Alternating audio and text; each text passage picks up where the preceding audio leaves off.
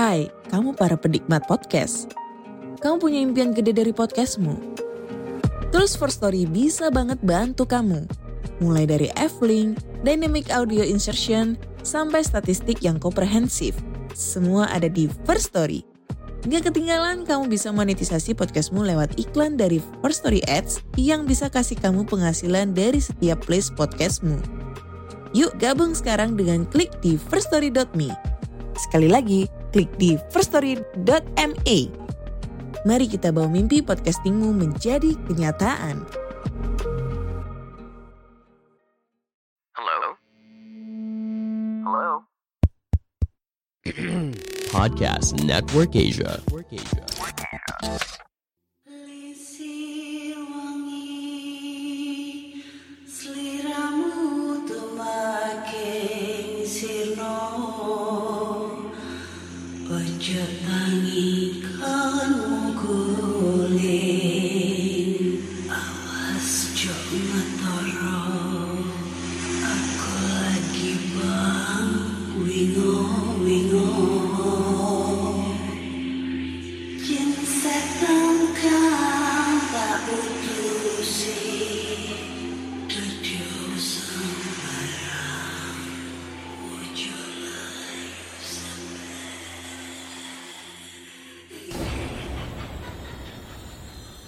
Hai Rek, iya apa kabar Ketemu lagi dengan aku si Ana di podcast kisah horor.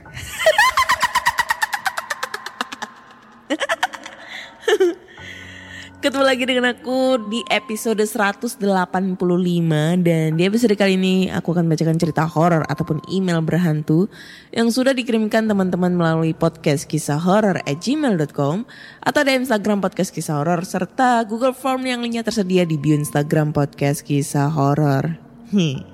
Pada kangen ya aku ketawa. Hihihi Ya iyalah kemarin gak bisa ketawa karena eh, bindeng ya Pilek terus batuk juga. Jadi kalau mau ketawa itu kayak Apa ya ngap gitu. Susah susah buat nafas. Di satu sisi lain juga ini sekarang Sekarang ini kaki gua Aduh sakit cuy ya. Sebelah kiri nih kesleo Bengkak bengkak gitu di area mata kakinya itu ya. Gara-gara kem- kemarin itu hmm, pas habis nganterin orderan eh, jatuh. Gara-gara ngindarin ibu-ibu nih ibu-ibu yang naik motor sennya ke kanan tapi beloknya ke kiri. Yang bikin gue akhirnya jatuh nggak nggak jatuh sih. Ibaratnya itu kayak eh berusaha untuk apa ya menjaga keseimbangan. Tapi karena posisinya ada jalan lubang tuh di jalanan ada lubang aspal gitu kecil akhirnya kaki gue tuh masuk di lubang itu terus kayak ah sumpah sakit banget itu. Nggak bisa ngebayangin. Untung nggak patah tuh. Cuma kesleo gitu terus langsung bengkak gede gitu ya. Aduh.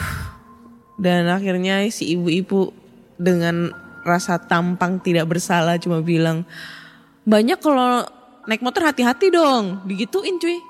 Ya gua ngegas dong. Ibunya kalau naik motor juga ngerti rambu-rambu dong. Itu sennya ke kanan tapi kenapa beloknya? Ke kiri gitu. Dan si ibu-ibu masih ngotot dengan hal dia bilang enggak ke kiri sennya. Jadi buat teman-teman nih ya yang terutama suka naik motor tapi gak ngerti arah kanan dan kiri tolong jangan sampai bikin orang itu yang di belakang itu ngalamin sesuatu hal yang tidak diinginkan ya. Aduh, sumpah nggak bisa ngebayangin kaki gue masih sakit ini nyut-nyutan. Terus gue mau cerita nih sedikit-sedikit cerita. Kemarin kan hari Selasa gue nggak ini nggak jadi upload podcast tuh ya episode terbaru karena di satu sisi lain gue lagi bad mood banget hati lagi nggak karuan gara-gara galau perasaan cinta. Cinta cinta cinta yang ku rasakan. Di satu sisi lain pas hari apa ya gue itu eh Sabtu kalau nggak salah. Ya Sabtu. Sabtu itu kan gue nggak bisa tidur tuh kan? Nah karena nggak bisa tidur gue manfaatin buat take podcast gitu kan. Buat buat niatnya buat apa tuh? Stok gitu kan itu sekitar jam 3 jam 3 pagi. Nah, karena kalian pernah tahu eh, di rumah gue itu saya tinggalnya itu di atas, di kamarnya, eh kamarnya itu di atas sendirian dan pasti kalau kalian udah pernah dengerin cerita aku di episode episode episode sebelumnya yang waktu gue di eh, takutin kuntilinik gitu ya, kamar pintu kamar itu selalu kebuka, nggak pernah aku tutup karena emang takutnya kucing aku takut eh, keluar masuk gitu kan. Ya udah sengaja aku buka. And then eh, kamar eh kamar lampu di teras depan depan kamar itu nggak bisa nyala. Eh, ada sekringnya itu yang putus gitu kan. Jadi gelap gitu. Yang terang cuma kamar aku sama ruangan tengah nah waktu itu gue lagi fokus tuh ngebacain cerita horor yang kebetulan ceritanya tentang kuntilanak gitu ya. Tiba-tiba anjir eh, ada sekelebat bayangan putih, bukan bayangan, pokoknya sosok putih eh, lewat depan kamar, depan pintu kamar, zruk gitu. Otomatis gue langsung merinding. Tapi yang di dalam otak gue itu, oh mungkin kilat mau hujan. Karena di Surabaya sekarang lagi musim hujan. Dari eh, dua hari yang lalu udah hujan gede terus kan. Eh, mikir gue oh kilat gitu kan. Tapi merinding. Gue cuek. Lanjut lanjut tek. Eh lewat lagi. Seret itu merindingnya bukan main. Tapi merindingnya gue tuh kalau misalnya ketemu hal yang gitu merindingnya cuma sekejap doang. Habis itu hilang. Nah yang gue yakinin kalau itu kuntilanak itu pada saat eh, yang pertama dia itu lewat itu gue merinding biasa yang kedua ini dia lewat arah sebaliknya itu gue kedengeran kayak suara angin eh angin apa kain yang ngiber gitu loh ber gitu loh. Pokoknya angin eh kainnya yang kalau kain kena angin gitu atau dis apa sih? Pokoknya kainnya tuh bunyi ber gitu kan. Lah refleks dong gue lari ke depan gitu ke depan eh, pintu kamar gitu. Gak ada apa-apa cuy. Di situ gue langsung merinding. Gue berhenti take podcast karena gue tahu sesuatu hal yang kita bicarakan yang kita omongin pasti dia bakal datang.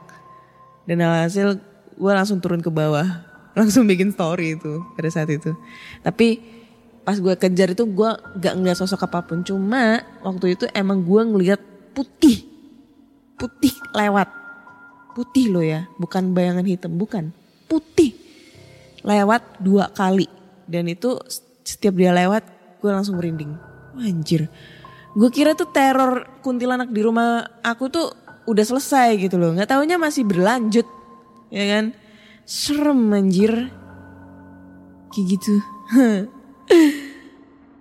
Katanya sih kalau misalnya kita ketemu kuntilanak sih dapat rezeki aduh batuk coy oke Langsung aja kita bacakan cerita-cerita horor dan cerita pertama ini datang dari email. Ntar gue cari-cari dulu nih emailnya. Hmm.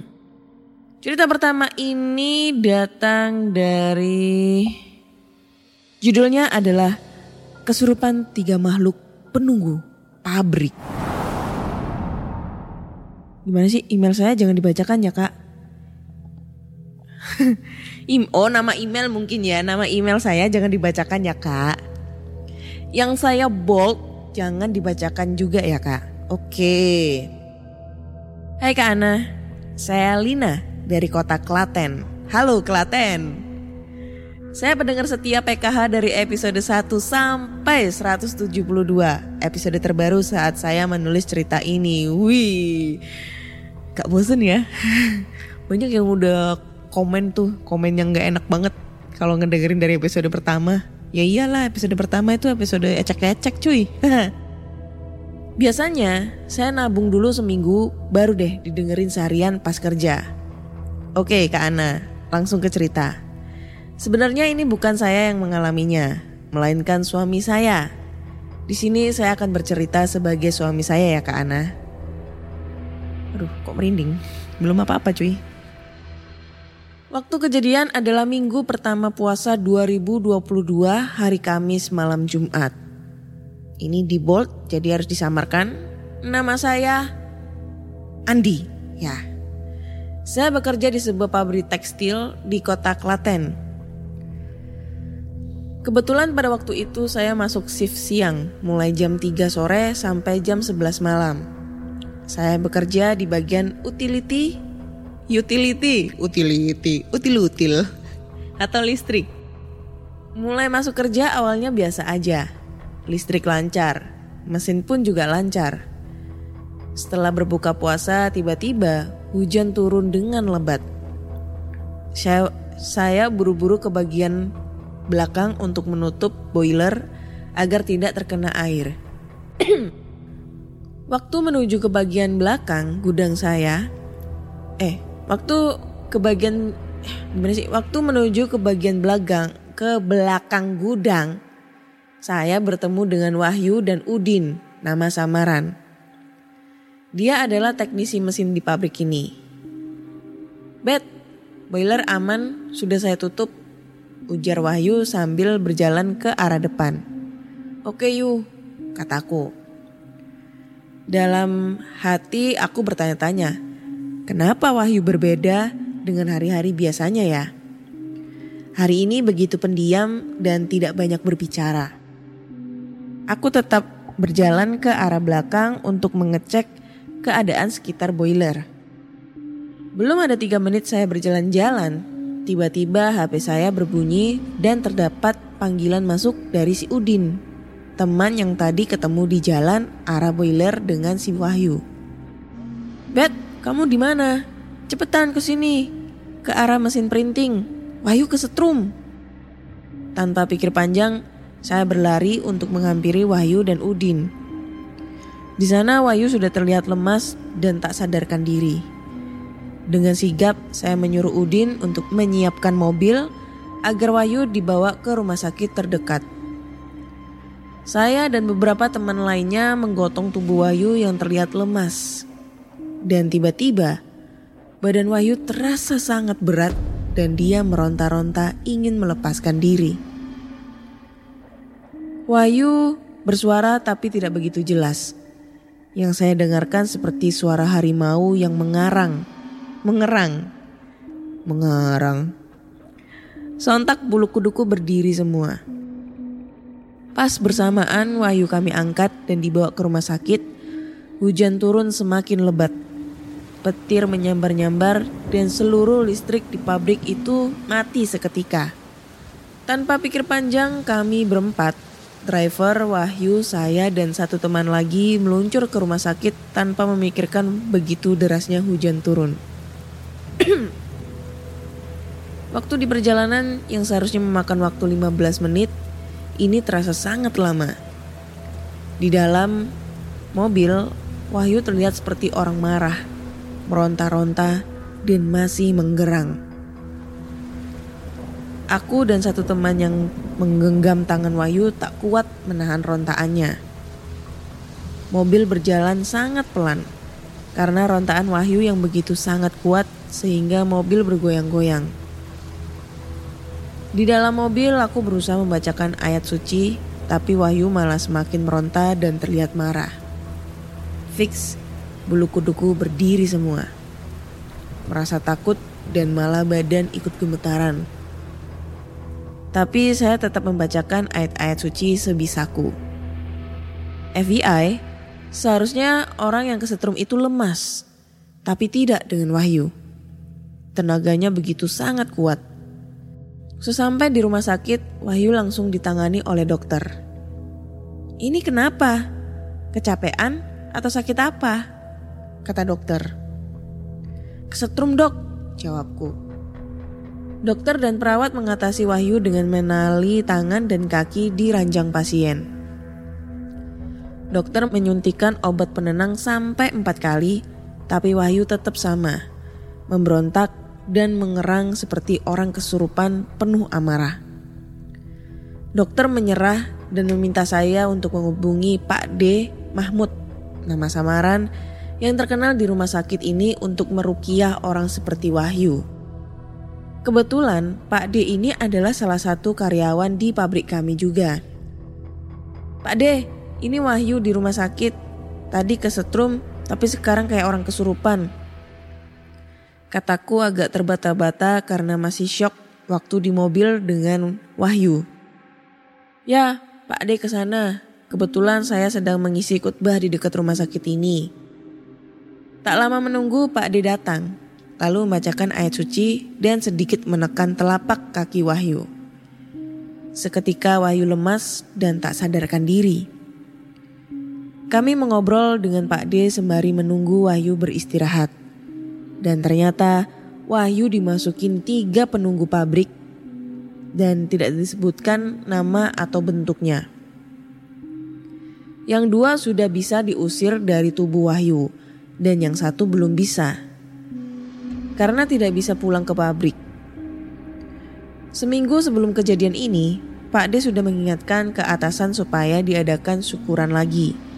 Karena terhitung pabrik baru yang baru berumur sekitar lima tahun yang dibangun dari tanah sawah milik warga setempat. Tetapi dari atasan tidak mau dan dirasa sudah aman karena sudah lama tidak dira eh tidak terdengar lagi peristiwa ganjil atau kecelakaan kerja. Di sekitar pabrik terdapat hmm, di blok ya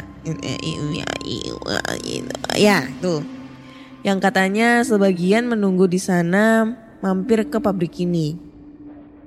Sebelumnya banyak kejadian kecelakaan kerja seperti kebakaran yang memakan korban berat, jari putus, kepala robek, wanjir, dan masih banyak lagi. Serta kejadian aneh seperti anak kecil sering mengintip waktu kerja. Suara orang lari-lari dan beberapa penunggu yang iseng mengajak main. Segitu dulu ke Ana, maaf kalau ceritanya panjang. Kurang seru, kurang horor, susah dimengerti ke Ana, tanda baca yang kurang pas, dan kata-kata yang membingungkan. Lengkap ya bun? Terima kasih sudah dibacakan dan, sus dan sukses selalu buat Kak Ana. Semoga sehat dan cepat dapat jodoh. Amin. Ya. Gua selalu berkata keras untuk kata-kata amin kalau ada yang mendoakan saya dapat jodoh ya. Kesurupan tiga makhluk penunggu pabrik. Ini lumayan serem. Ini mengingatkan aku uh, cerita yang tentang apa ya kecelakaan di pabrik kelapa sawit. Eh pabrik apa ya sawit atau apa yang di Kalimantan? Gue lupa episode berapa ya. Yang uh, di situ ceritanya tuh anjir serem banget. Yang sampai memakan korban yang sampai aduh korbannya tuh kayak kebacok-bacok atau apalah ya serem banget pokoknya. Dan itu setelah aku ngebacain itu cerita gue nggak bisa tidur. Beneran gue nggak bisa tidur. Karena setiap gue baca cerita itu kan selalu ngebayangin ngebayangin apa ya e, sosok tokoh di cerita tersebut gitu loh. Maksudnya dalam arti kalau gue setiap ngebacain cerita tuh gue tuh kayak ngerasa kebayang-bayang gue ada di lokasi tersebut. Nah itu. Dan pada saat gue ngebacain itu cerita yang cerita kesurupan, nah eh bukan ini. Cerita yang kesurupan di pabrik itu. Pokoknya yang tentang pabrik lah ya. Itu gila. Gue gak bisa tidur seharian. Anjir. Pokoknya serem banget lah. Ya itulah pokoknya. Nah ini yang teror di perkebunan sawit episode 161. Gue lupa episodenya berapa sama judulnya. Tapi gue gue inget banget ceritanya yang sampai aduh kepalanya hampir putus. Terus habis itu petani petani-petani kelapa sawit yang di mobil pick up itu pada aduh luka-luka bacok apa segala macam gila. Dan ternyata pabriknya itu uh, berada di tanah kuburan massal. Kan anjay gitu ya. Serem anjir. Tapi ini ceritanya dari si siapa tadi Mbak siapa tadi namanya? Dari suaminya Mbak Lina ya. Lina bukan sih namanya? Ya Mbak Lina ini juga lumayan serem. Jadi semua cerita pengalaman horor yang menyangkut di pabrik, kantor, rumah sakit, menurutku itu adalah cerita yang paling serem dibandingkan cerita di rumah lo ya. Karena kalau di pabrik itu apa ya? Ada ke- kayak ho- horornya itu kayak horor lain dari yang lain dibandingkan cerita horor di perkemahan. Nah, itu. Karena kalau di perkemahan itu udah udah bisa ditebak setiap kita berkemah, berkemah, berkemah. Itu ya, pasti ada cerita horor. Pasti. Nggak mungkin enggak. Di antaranya itu pasti kegiatan pada saat jurit malam. Beuh. Kalau di pabrik kan kayak variasi gitu ceritanya. Cerita-cerita horornya tuh variasi.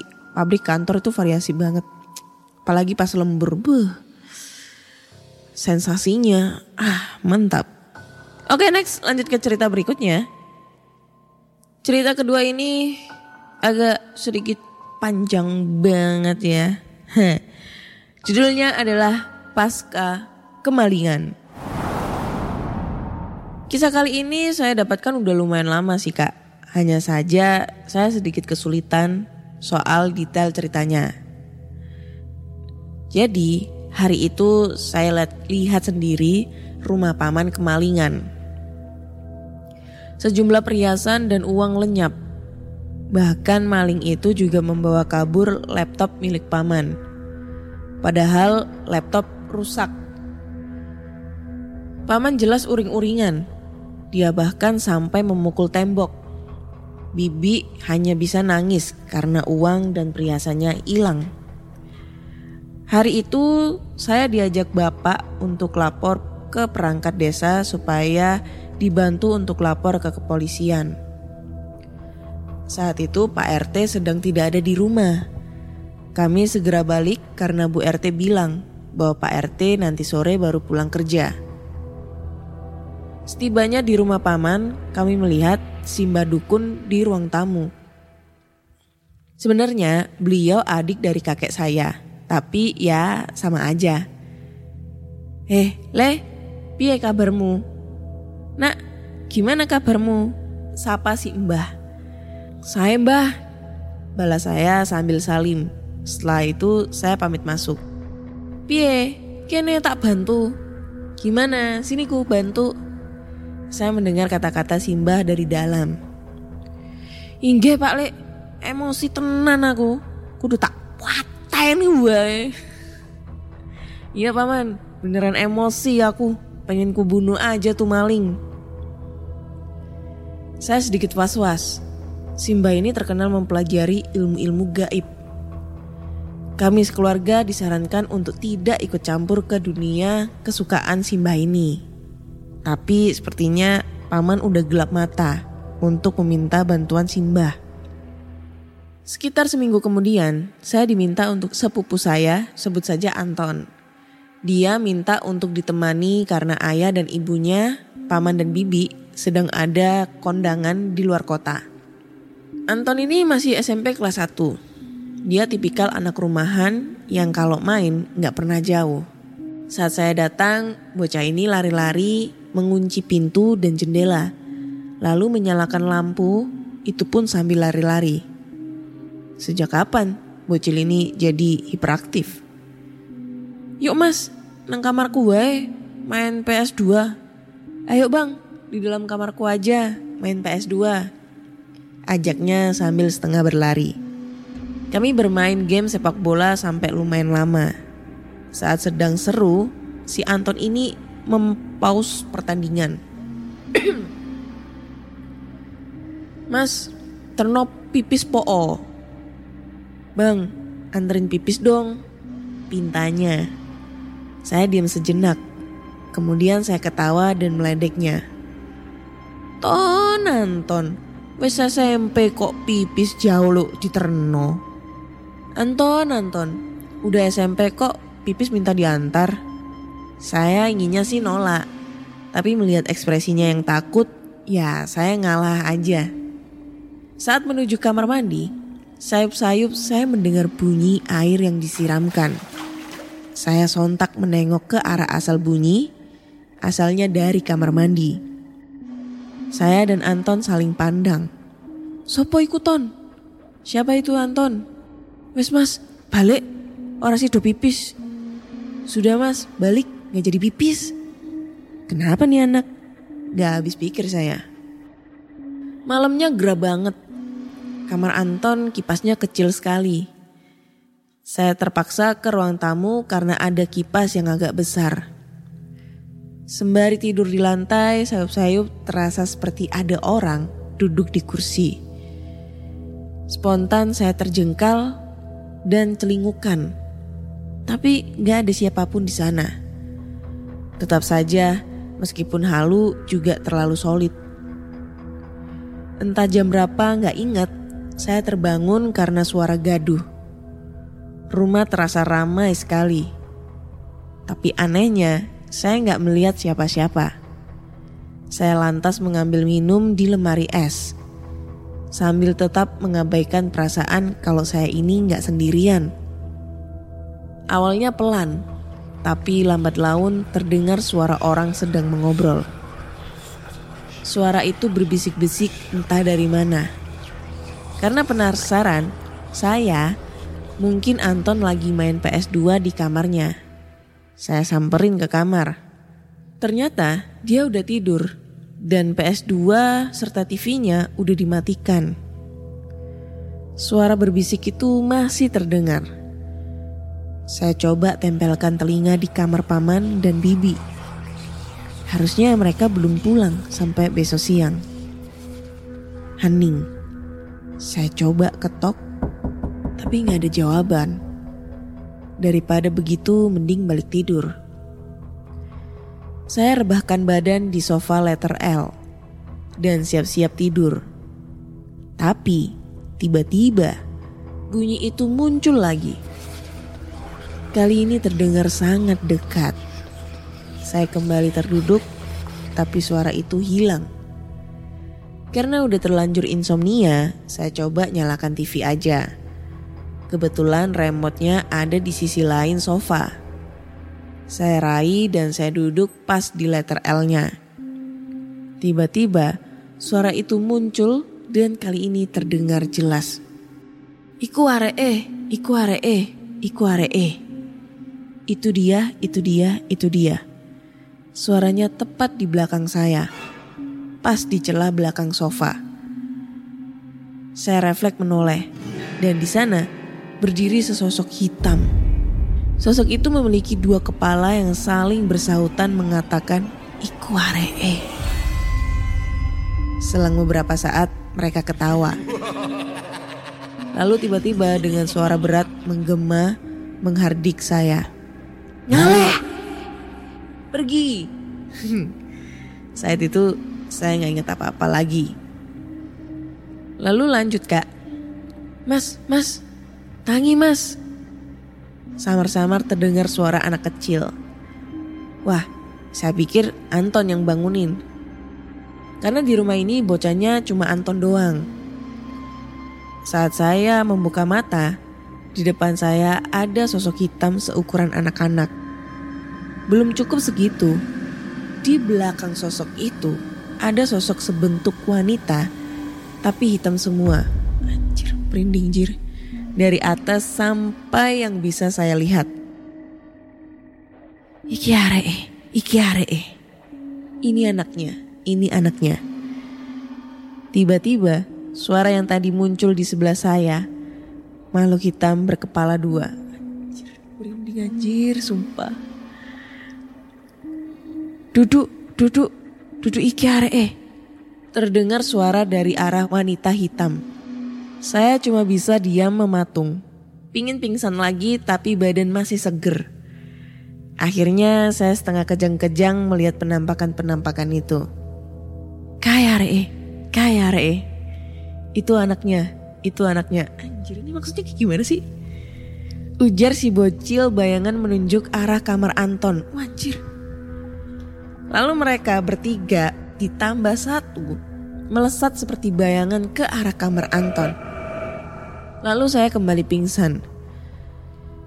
Besoknya saya bangun dan melihat banyak keramaian. Ada paman dan bibi juga. Lalu lokasi saya berpindah ke kursi di halaman. Piye iki Pak Le? Gimana ini paman? Teriak paman dari dalam rumah. Wes, menengok sik. Iki sik tak usah eh. Terdengar suara Simba dari dalam juga. Leh, kowe wes ora apa-apa? Nak, kamu udah enakan? Tanya ibu yang mendekat ke arah saya. Nggih bu, iki ono apa toh? Iya bu, ini ada apa sih? Tanya saya heran melihat tetangga datang berkerumunan. Lah kue piye? Pak Lekmu nemoni awakmu gemletak ngarepe lawang. Anton ngaung-ngaung koyok macan. Anjir, lucu ya gue kalau ngomong Jawa. Lah kamu gimana? Paman menemukan kamu tergeletak di depan pintu. Terus Anton meraung-raung seperti macan. Terang ibu. Saya mendekat ke kerumunan, lalu paman memanggil menyuruh saya mendekat. Di sana ada beberapa tetangga, tapi nggak kelihatan bapak. Seperti sudah berangkat kerja. Paman menginterogasi saya. Saya ceritakan apa yang masih saya ingat. Walaupun mustahil bisa lupa kejadian begitu. Kondisi Anton mengenaskan. Bibirnya membiru dan ada noda darah di ujung semua jari tangannya. Dan perutnya gak bergerak. Simba komat kamit baca mantra. Sedangkan paman panik. Bibi pingsan dan dibawa ke kamar ditemani ibu-ibu tetangga. Entah kerasukan setan dari mana saya teriak kencang. Lek, hari iki ora dibalik no. Tak obrak abrik kabel mau. Oh salah salah. Gini nadanya. Lek hari iki ora dibalik no. Tak obrak abrik kabel omamu. Kalau anak ini nggak dikembalikan, ku obrak abrik sarang kalian. Emosi saya sampai ke ubun-ubun, tapi saya tahan. Saya tatap Simba dengan penuh emosi. Ini pasti ada hubungannya sama Simba. Seketika Anton tersentak lalu terbatuk-batuk dan dia membuka mata. Ton, saya dipanggil dia. Anton hanya berkedip-kedip lalu melihat saya. Walaleh, Alhamdulillah, Anton balik. Paman terpekik senang. Semua yang di sana langsung membaca hamdalah. Singkat cerita, Anton dirawat inap di rumah sakit. Setelah dia bisa bicara, dia cerita kalau pas bangun, dia dikelilingi makhluk-makhluk hitam. Makhluk itu meminta supaya dibebaskan. Lalu katanya, tiba-tiba ada suara petir kencang dan makhluk-makhluk itu lari pontang-panting. Konon, kata Simba, mereka itu jin yang belum loyal, yang ditangkap Mbah masih belum lama. Mbah memaksa mereka menjaga rumah itu dari maling karena dendam mereka mengincar Anton yang masih ada hubungan kerabat. Hubungan paman dan Simba pecah dan Simba nggak diterima lagi di keluarga paman. paman pun kena semprot bapak dan kerabat lainnya. Paman layak kena semprot karena ini juga kesalahan dia. Sudah dibilang jangan berhubungan dengan Simbah yang ada hubungannya dengan ilmu-ilmu begituan. Gak lama setelah kejadian itu Simbah mampir dan bilang, Leh, kowe gelem tak ajari ta? Kowe iki ono bakat gawe tak turuni ilmuku. Kamu mau ku ajari? Kamu ini ada bakat untuk tak warisi ilmuku, kata beliau.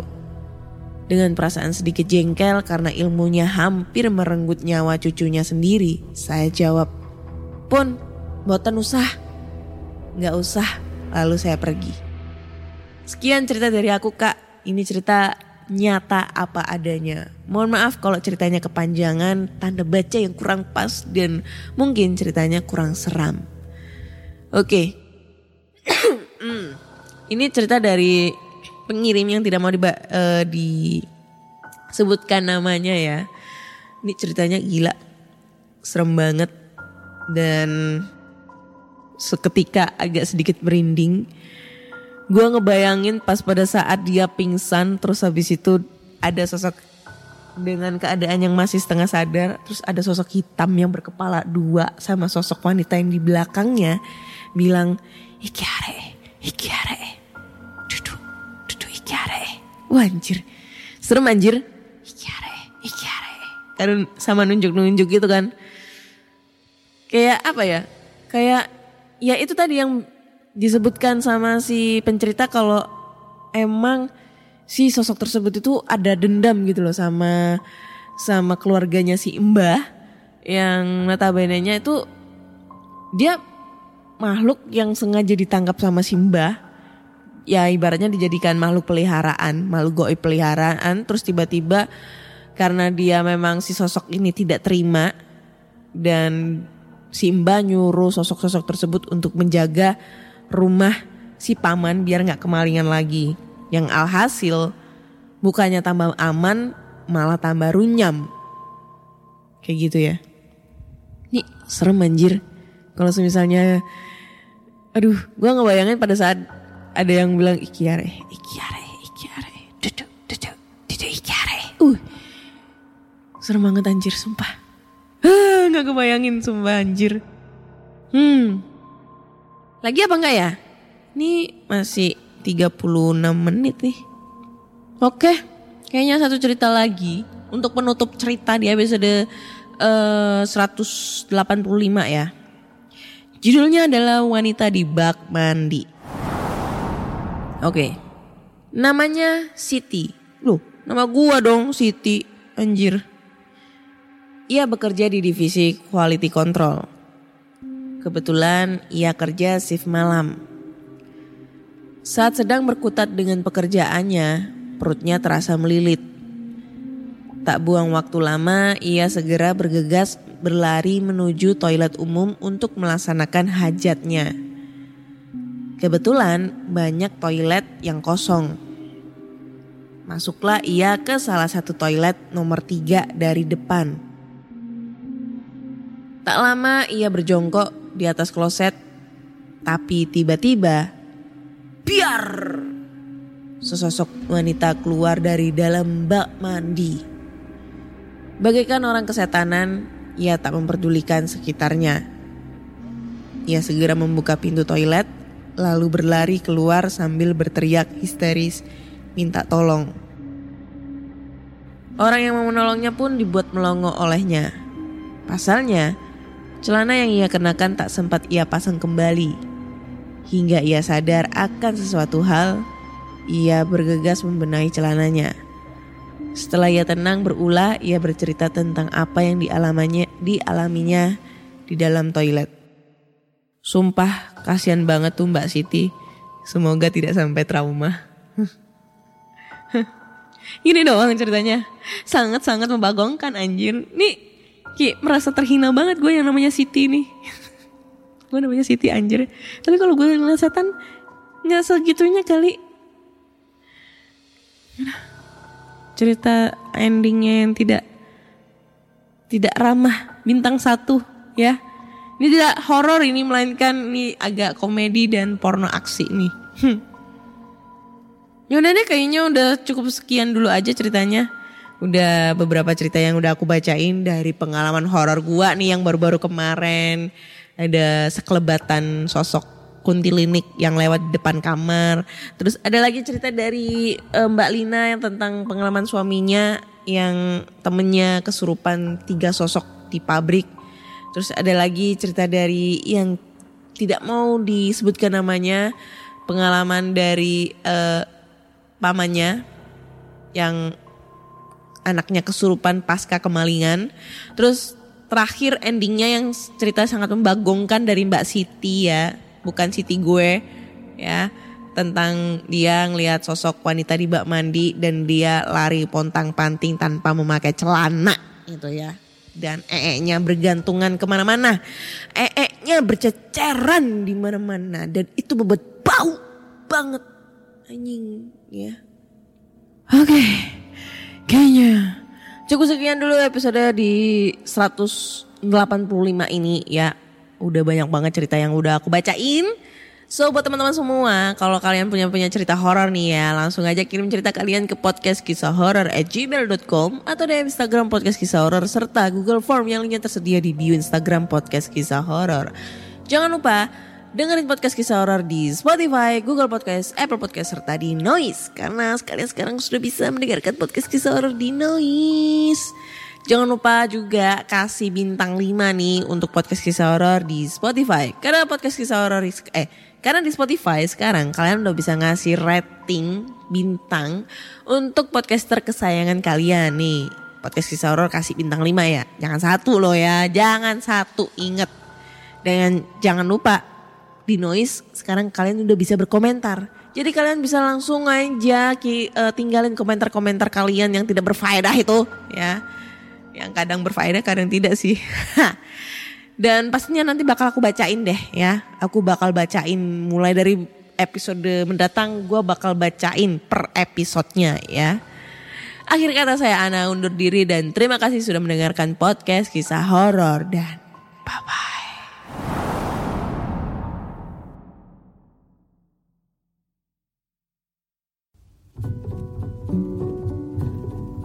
Pandangan dan opini yang disampaikan oleh kreator podcast, host, dan tamu tidak mencerminkan kebijakan resmi dan bagian dari podcast Network Asia. Setiap konten yang disampaikan mereka di dalam podcast adalah opini mereka sendiri dan tidak bermaksud untuk merugikan agama, grup etnik, perkumpulan, organisasi, perusahaan, perorangan, atau siapa pun dan apa pun.